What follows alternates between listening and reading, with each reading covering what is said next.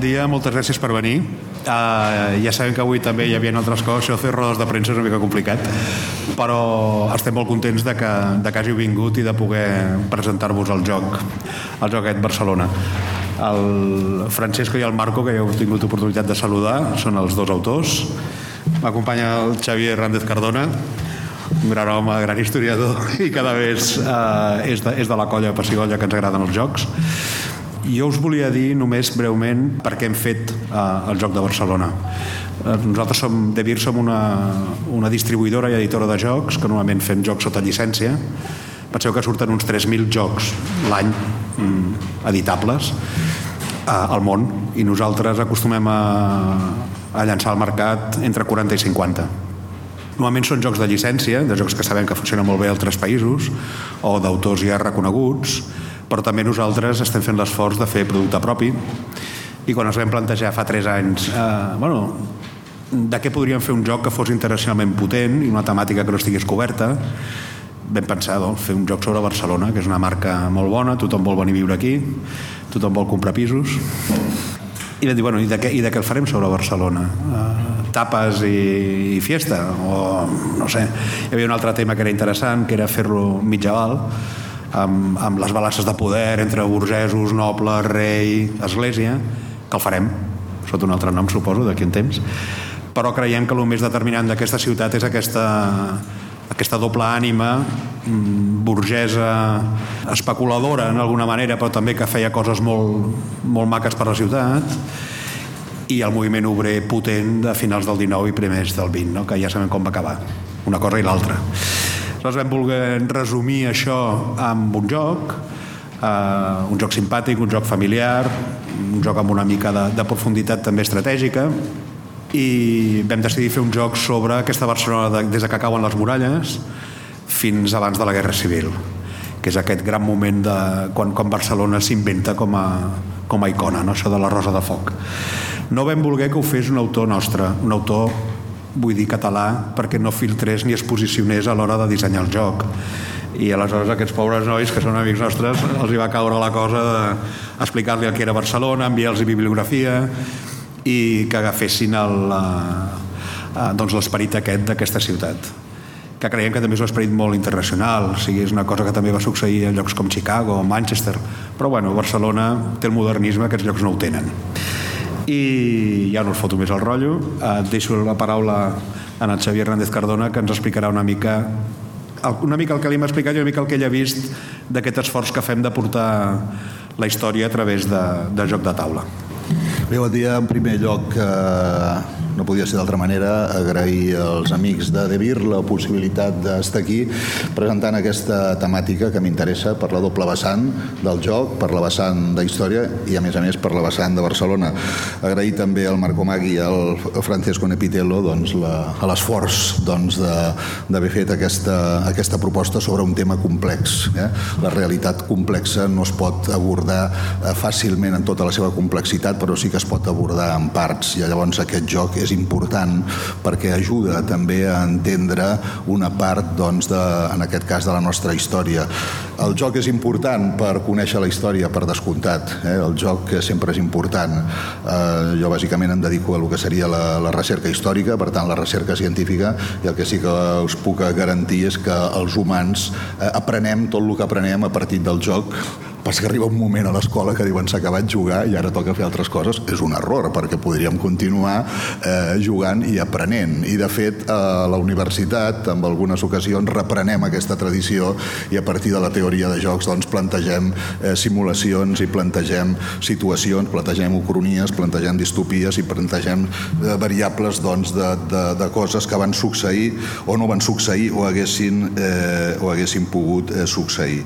Per tant, és una aportació que ajudarà a entendre la ciutat i que ajudarà a entendre la ciutat a una, una, una franja doncs, de ciutadania d'ampli espectre, des de, des de joves fins a la gent eh, més gran, perquè és un joc doncs, que està pensat eh, amb una component eh, lúdica important i que eh, facilitarà doncs, allò desitjable, eh? que és aprendre gaudint. Que necessitem aprendre de Barcelona? Naturalment, els locals i els externs, eh? perquè aquí, eh, com ha dit en Quim, Barcelona és és algo molt important. Eh? Ara no, no, no, no m'extendré, però és una de les ciutats en majúscula eh, de la Mediterrània, d'Europa i del món. És un dels grans referents de, de, de, de la humanitat, m'atreviria a dir, de la cultura occidental, pel cap baix. I el període que es toca, precisament, és important perquè agafa la construcció d'una segona Barcelona, que és la Barcelona eh, de l'Eixample. Eh? Tenim una primera Barcelona, és la ciutat romana, la ciutat medieval, el casc antic, etc. Aquesta primera eh, Barcelona, a partir del 1832, 33, 35, eh, comença a rebre l'impacte de, la, de la industrialització del vapor i arriba un moment cap al 1847 que ja no hi caben fàbriques, a lo que seria el Raval, i que continuant l'expansió industrial exigeix doncs, que eh, les, les indústries es col·loquin eh, als pobles del Pla de Barcelona, Sants, Gràcia, Sant Martí de Provençal, Sant Andreu del Palomar, perquè com que Barcelona és una plaça forta no es poden construir fàbriques a tocar de les muralles. I això explica que hi hagi una corona industrial amb aquests pobles de l'antic Pla de Barcelona i una ciutat també eh, molt industrialitzada eh, aquesta ciutat industrialitzada era un autèntic infern, és a dir, on la gent moria i la gent patia. Pensin vostès que, per tenir una idea, les epidèmies doncs, de febre groga, les epidèmies de malària, portaven fàcilment un nombre de víctimes eh, dins dels murs de la ciutat que podien superar les 5 o 6.000 persones cada vegada que havia un episodi d'aquest tipus que era freqüent donades les condicions higièniques i sanitàries de l'època. Barcelona era una olla a pressió. Eh? Calia que la ciutat es pogués expandir i pogués continuar doncs, el seu ritme de creixement. Però això no era fàcil, perquè el sistema de govern d'aquell moment, un, un sistema basat en les tradicions del segle XVIII centralistes, concebia Barcelona com una plaça forta i impedia doncs, que es pogués construir a l'exterior. La revolució comença el 1854 amb el bieni progressista, en el qual eh, Pasqual Madoz, un dels precursors del catalanisme polític, al qual ningú fa cas, no entenc per què, però, però, però és dels que s'inventa diguem, el catalanisme polític, Frank Massó, per descomptat, comença el que és l'autèntica revolució. Arriba governador civil i gairebé el dia següent decreta que les muralles de Barcelona eh, siguin enderrocades. És un home que només està un mes, gairebé com a governador civil de Barcelona, però fa les dues coses més importants que serveixen per fer el canvi. Eh? Quin és el canvi? Doncs ordenar la destrucció de les muralles i immediatament agafa el seu amic Frank Massó, també Ildefons Cerdà, i li ordena que a través de la milícia nacional, del qual ell serà comandant de la milícia nacional, faci el pla topogràfic de l'Eixample i comença una aventura extraordinària que el protagonisme eh, l'assumeix, el protagonisme, diguem, ocult, l'assumeix la maçoneria de Catalunya, amb personatges tan destacats com el mateix Pasqual Madoz, és el polític, eh, amb, amb gent que posa diners, com en Josep Xifré, el que financia, amb propagandistes com en Víctor Balaguer, que és qui, entre cometes, es reinventa la història de Catalunya en funció d'un projecte nou eh, de país. Moltes coses sonen com si ara fossin actuals, perquè, sí. bueno, de vegades doncs eh, la, tercera via llavors ja existia un militar víctima de la tercera via com és en Joan Prim, també Frank Massó i finalment a la persona a la qual li encarreguen la capital d'un nou país, un nou país industrial, un nou país que ha de ser congruent en la seva...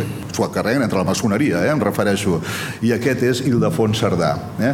Ildefons Cerdà, que és un geni, eh, dissenya el Pla de l'Eixample, dissenya una ciutat hipodàmica on és una ciutat que té problemes eh, i que amb el joc doncs, eh, queden reflectits perquè a diferència del pla Rovira i Tries a Cerdà li fan a l'encàrrec i li fan directament després des de la banda diguem eh, del govern central, des de la banda de la Reina a l'Ajuntament de Barcelona reacciona fent un concurs, aquest concurs hi treu el pla de Rovira i Tries, Rovira i Tries fa un pla central amb, unes, amb uns eixos que surten que afavoria bastant els interessos bastant no, molt, de la burgesia perquè permetia una ciutat en la qual havia centre i perifèria, permetia una cosa que és eh, a l'ABC de, de, de, de, una especulació fàcil, permetia, eh? perquè ja se sap, els terrenys que estan a la vora del centre de la ciutat són els que valen més i a fora doncs, va la Xusma, que són els que van eh, més, més a Però Cerdà trencava aquest esquema, perquè el que fa Cerdà és una ciutat igualitària, on no hi ha un centre, eh? i on totes les mansanes doncs, són iguals, i on no està clar quin terreny té més valor que un altre perquè tota la planta hipodàmica doncs, és eh, similar. Fins i tot el centre que teòricament diuen que Cerdà dissenya per la ciutat, que és la plaça de les Glòries Catalanes, jo crec que mai la, fa, mai la concep com un centre urbà. De fet, la prova és fer faent. No hi ha ni Déu nostre senyor que sigui capaç d'urbanitzar la plaça de les Glòries Catalanes. És impossible. Tots han fracassat i crec que tots fracassaran perquè no està pensada amb aquesta, amb aquesta idea. Eh?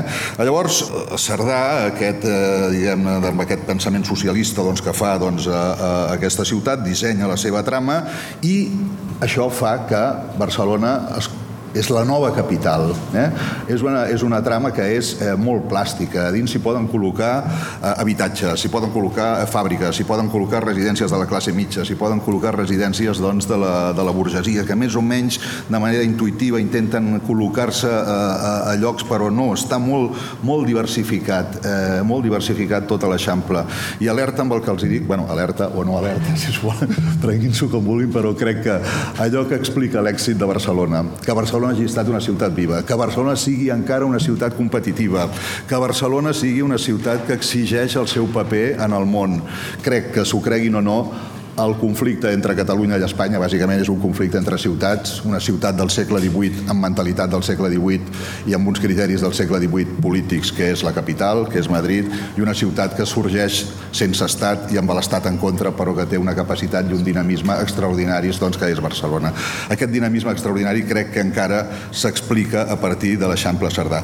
Aquest és l'escenari en el qual es desenvolupa el joc. Eh? El, el joc agafa l'Eixample Cerdà, les mansanes i el desenvolupa. I el el desenvolupa a partir doncs, de les iniciatives que, i, i les inquietuds que tenen els sectors diguem, de la burgesia que estan intervenint a la ciutat, que estan construint eh, cases, que també construeixen fàbriques i construeixen magatzems i que, d'alguna manera, en els anys que van seguir eh, a la Primera República i abans, però sobretot amb el context de la restauració, descontextualitzaran la idea de Cerdà i agafaran les mansanes de Cerdà, les trinxaran, les faran a bocinet, les tiraran cap amunt, etc. I el Cerdà l'amagaran amb una llosa, eh, no hi ha cap monument de Cerdà a Barcelona, té una plaça que és de les més lletges, sinó les més lletges de la ciutat, que abans era maga perquè s'inundava de quan en quan i encara semblava Venècia, però ara ja ni això, és a dir, que és una damnatio memoria del pobre Ildefons que va morir eh, fracassat Ildefons Cerdà, que no oblidem també, va proclamar l'estat català el 1873 en el context de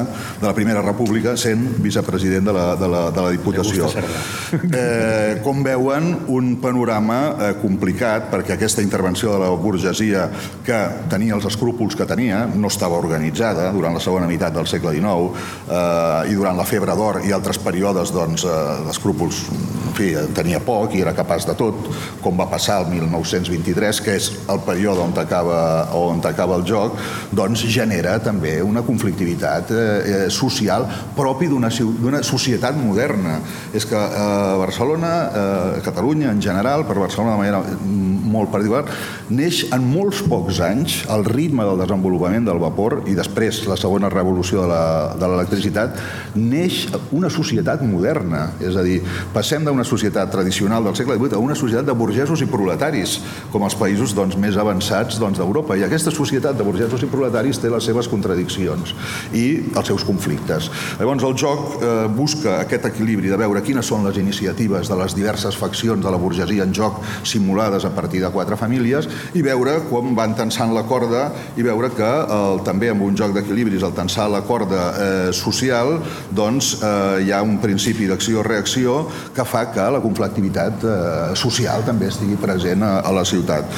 Jo gairebé res més, diria que agafa el període que hem comentat, el període de construcció de l'Eixample des dels inicis que seria, de fet, el 1859, quan el Pla Cerdà és aprovat, fins al període del final del modernisme i el noucentisme, estaríem parlant doncs, dels anys 20, que és el període en el qual doncs, a l'Eixample o bona part de l'Eixample es construeix.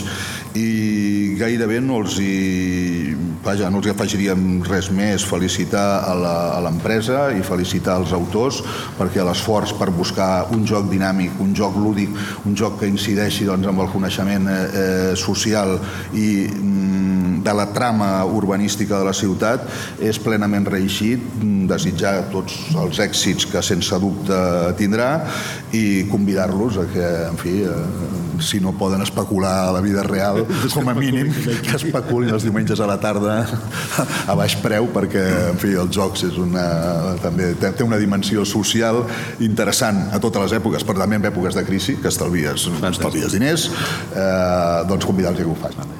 Una cosa, tres anys ha costat fer aquest joc, eh? O sigui que això de, això de fer un joc a partir d'una idea us asseguro che è che è complicato.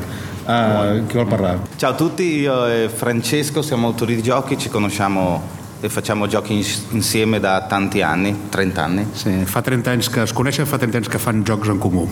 Devo dire la verità, ehm, abbiamo fatto tanti, tanti giochi in questi anni ed è difficile per noi trovare e lavorare progetti per i quali insomma è più di un gioco quello que ells, facciamo. Ells fan molts lavoro. jocs l'any i els hi és difícil trobar, identificar jocs que veritablement siguin alguna cosa més que només un progetto.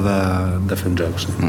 E questo assolutamente è stato il caso di, del gioco Barcellona. Dobbiamo ringraziare molto Joachim e la De Vir per questa opportunità che ci hanno dato perché l'aver lavorato, essere stati per due anni immersi in questo ambiente in questo contesto. Bueno, que ens agraeixen molt el, el poder donar l'opportunitat de, que, de que poguessin desenvolupar aquest gioc dins d'aquest ambient i aquest context. No?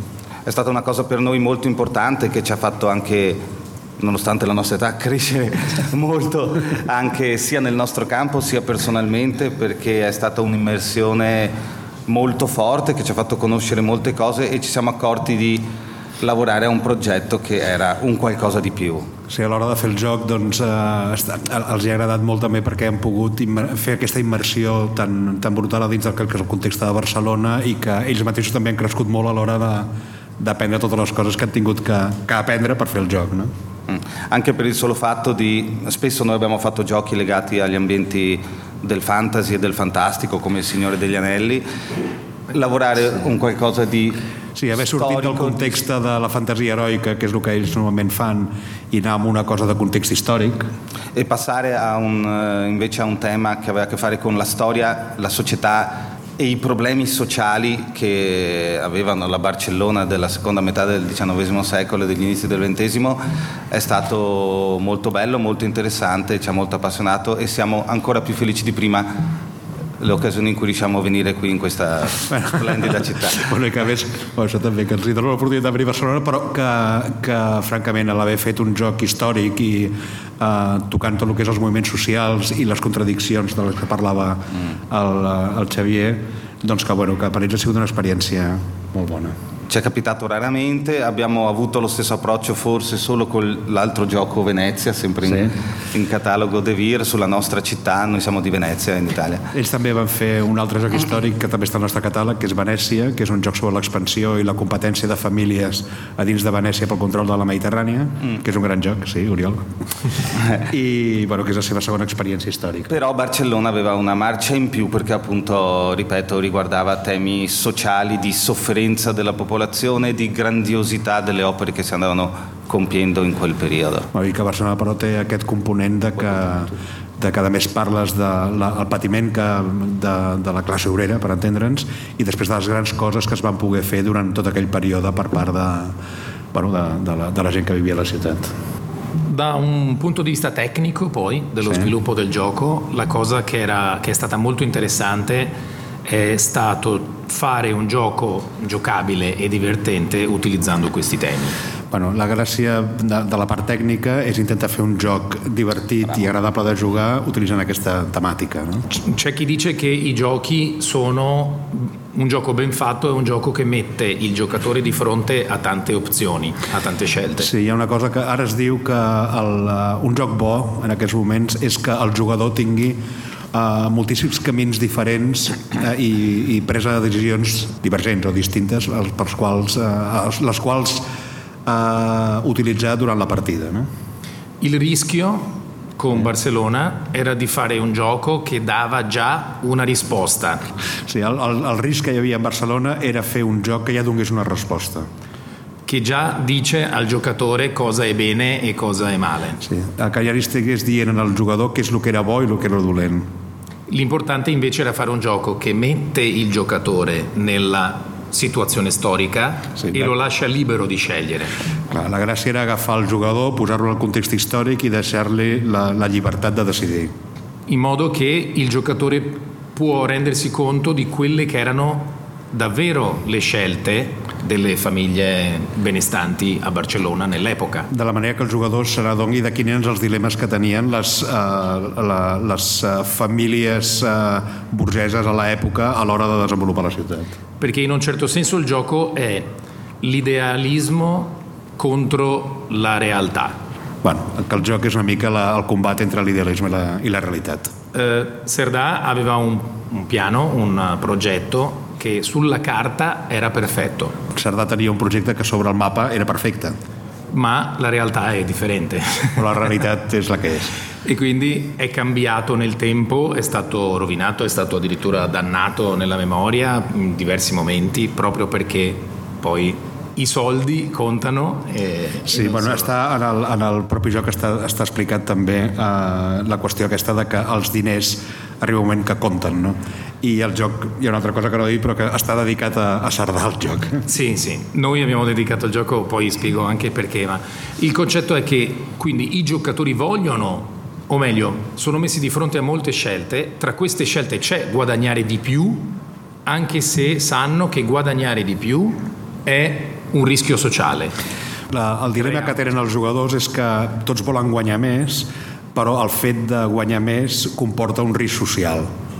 Noi non volevamo dire al giocatore non fare così, No li volien dir al jugador que no ho fessin, no volien intervenir. sta ai giocatori decidere durante una partita se per loro è meglio pensare all'arricchimento personale o al- anche una- all'effetto che ha sul contesto sociale. És una decisió del jugador a cada partida si vol eh, jugar només per enriquiment personal o si vol tenir en compte les qüestions socials. Il risultato è che in una partita media i giocatori fanno questa e anche l'altra scelta. En una partida mitjana el que fan els jugadors és una mica de tot. O sigui, prenen una decisió o prenen l'altra depenent del torn. E in un certo senso questo è quello che è successo. Sí, d'alguna manera és el que va passar a la història. No?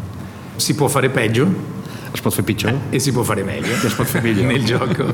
La città, la città può finire in anarchia totale nel gioco Sí, pot arribar l'anarquia absoluta en el joc oppure invece evitare, evitare o es pot il rischio. evitar i es pot tirar tot endavant. Per, per parlare della dedica a, a Ildefonso Serdà, io penso che Serdà e forse tutti gli urbanisti Sí. sono da un punto di vista come autori di giochi.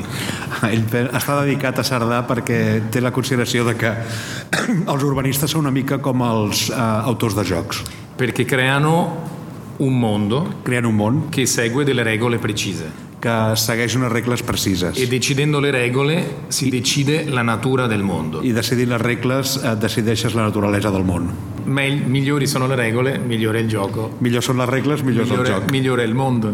Exacte, i millor és el món. Poi, poi appunto la realtà interviene. I després giochi- intervé la realitat. Però la realitat és el Xavi Garriga que diu que aquest pressupost no, no es pot fer el joc perquè s'han de posar menys peces. vale, Ci, ci interessava molto riguardo a quello che diceva Francesco che i giocatori giocando i loro turni e decidendo le mosse da fare sentissero un po' la responsabilità di questo dilemma etico. Sí, és una, és una cosa que ens han volgut eh, posar dins del joc, és que els jugadors quan estiguin jugant tinguin una mica aquest dilema ètic contínuament.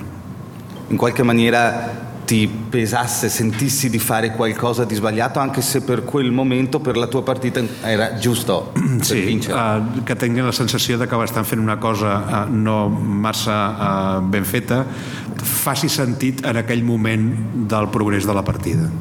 I ara jo obriria preguntes, si voleu, no? Alguna, mm -hmm. Voleu dir una cosa més? Sí. De què depèn la, la, la victòria? Chi guanya? Chi gana? Ah.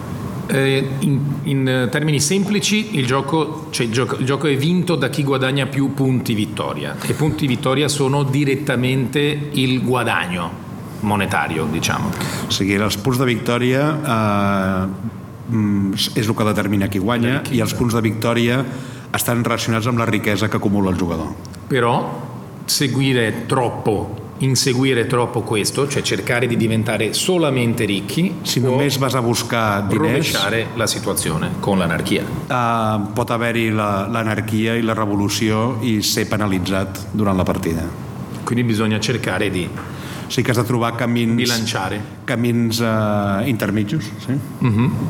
sì, bisogna forse fare quello che è una chimera e cioè il uh, giusto equilibrio. No, l'imprenditore illuminato. Sí, intentar jugar a l'emprenedor il·luminat. Una, que... l'editor holandès d'aquest joc que està interessat a fer-lo va dir això és fantàstic per als holandesos perquè és eh, esdevenir un especulador sense que ningú se n'adoni que veritablement ho ets no? una mica aquesta, aquesta és la cosa mm. molt holandès, eh? Michael Brunsman ah sí, com ha treballat come, la... how we work the balance sí. between historical mm, ok uh, sì In questo caso non abbiamo voluto fare una simulazione storica. Non abbiamo voluto fare una simulazione direttamente storica. Lo scopo era fare un gioco le cui dinamiche eh, ricreavano una sensazione storica. Sí, eh, l'objectiu era fer un joc al qual la dinàmica marqués la sensació d'historicitat. Quindi non il dettaglio storico preciso, no dettaglio, ma l'atmosfera. Sinó l'atmosfera del, del moment. Quindi di base il gioco è abbastanza astratto perché sì. piazzo le teste. És un joc bastant abstracte perquè vas però, col·locant manzanes. Però vedo e uso molte dinamiche che hanno invece un significato preciso. Però utilizza moltes dinàmiques que tenen un significat històric precís. Sì, storico. È più come una, una metafora sí, és més una, bueno, que una simulazione storica. Com tots els jocs, és una metàfora més que una simulació històrica. Mm. Uh, sí, el joc, el joc de taula com, uh, com ajuda a, a l'hora de, de, de fer el discurs, d'explicar tant la història com les distopies o les... Uh, uh... Sí, sí el, joc, el, joc, el joc de taula no és diferent a altres tipus uh, de jocs, no? De fet, ja uh, des de... ja en l'entorn, diguem, de la teoria de jocs tindries moltes graduacions, des de la simulació utilitzant supercomputació fins a utilitzant jocs de taula. Hi ha investigadors, eh, no recordo el nom nord-americà, que planteja eh, eh, determinat tipus d'investigació a partir de plantejar-se jocs, mm, jocs, de, jocs de taula, diguem. No? Eh, llavors, eh, tenim moltíssimes, moltíssimes possibilitats d'avançar en, en aquest sentit i moltíssimes graduacions i moltíssims nivells de complexitat. Pensa que la realitat és extremadament complexa. Eh?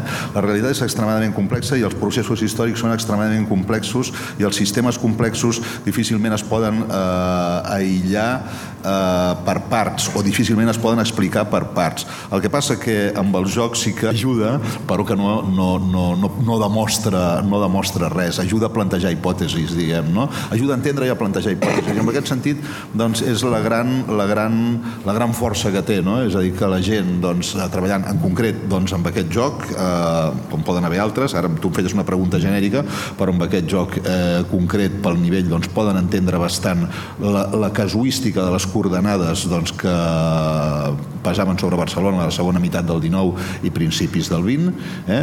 i després doncs, les mecàniques doncs, de, o a l'ABC de la mecànica doncs, de, de l'expansió urbana i les problemàtiques que sorgien de caràcter social.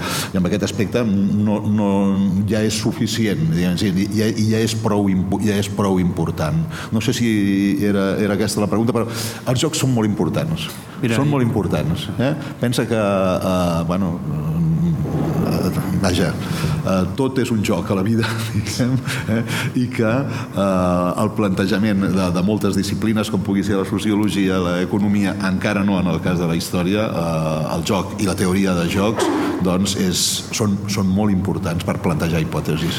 Mira, el, el gran guru dels jocs del país, que és Oriol Comas, em va regalar un llibre fa un parell de setmanes que li va caure a les seves mans, que es diu Wargaming for Leaders, Uh, un dels autors és Mark Herman. Mark Herman. Sí. I t'explica que ells col·laboren amb el Departament d'Estat, col·laboren amb General Electric, col·laboren amb, tot, amb, amb tota una sèrie de multinacionals i d'entitats del govern d'Estats Units, dissenyant-los wargames per aplicar presa de decisions. Però et parlo de Desert Shield a la Primera Guerra d'Iraq, o et parlo del que sigui. Està molt ben explicat, o sigui que les aplicacions són... Sun Tzu, eh? Bé, és un Tzu. Això ja no. Sempre, sempre es va determinar, em sembla, crec, eh, que, que fossin burgesos que construïen l'Eixample perquè una cosa que nosaltres volíem posar internacionalment, i això és, no és tant culpa d'ells com culpa de, de De Beer, és que per molt que nosaltres volguéssim donar una pàtina de la problemàtica social que representa, eh, en termes internacionals per lo que és una de les coses que és coneguda a Barcelona i ara eh, faré reductio ad màximum de la cosa, és el modernisme. Per tant, el fet de que tu puguis eh, arribar a construir la pedrera amb els teus quartos, o que puguis arribar a subvencionar la Sagrada Família, o que puguis fer el teatre al Liceu, o el Palau de la Música, etc., forma part d'aquesta atmosfera i d'aquest vernís que defineix el que és atractiu en un mercat internacional a la ciutat de Barcelona. Aleshores, no era un joc tan plantejat com una lluita de classes, sinó que fent un joc sobre el modernisme no volien deixar de banda que allò es va fer sota l'esquena de molta gent que arribava a Barcelona.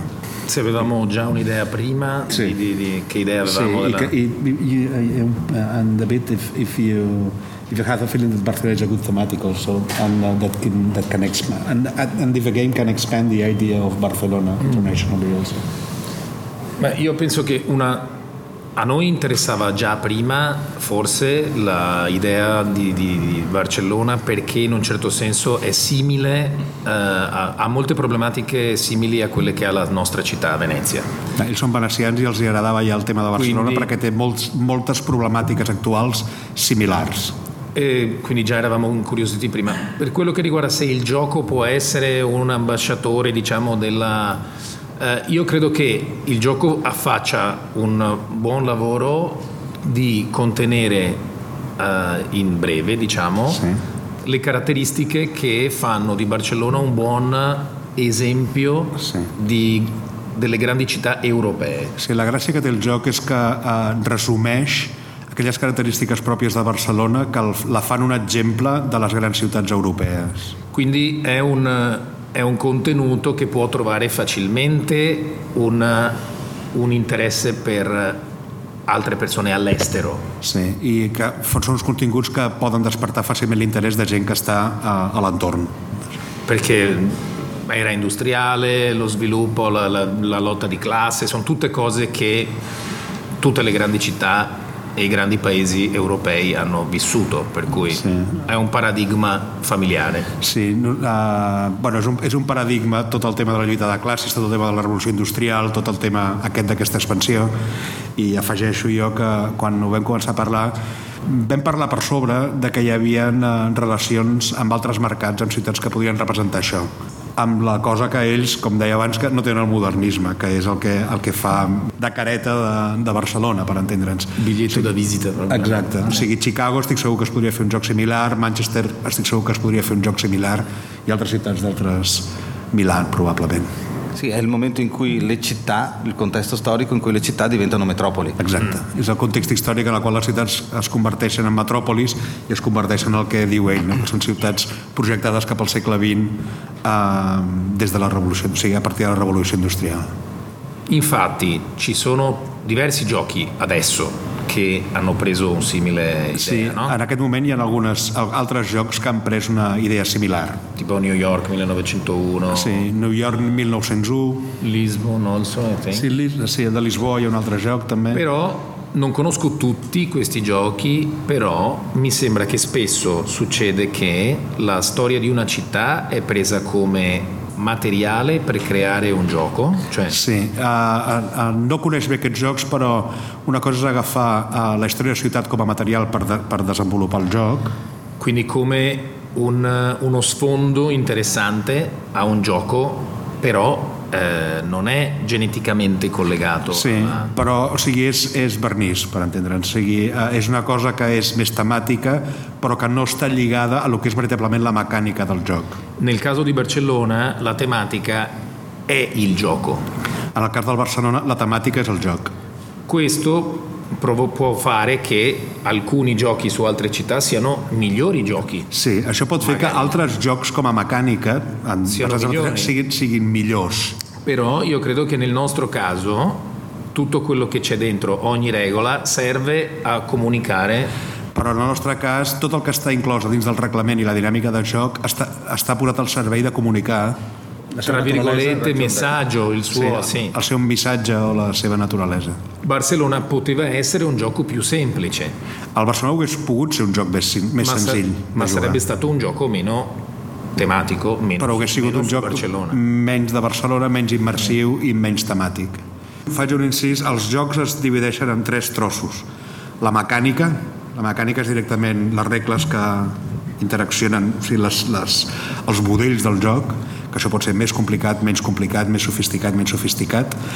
La dinàmica, que és com els jugadors com els jugadors es relacionen amb aquesta mecànica. O sigui, eh, el meu torn és més llarg és menys llarg, faig, puc fer més coses menys coses, tinc més camins, men, eh, més camins.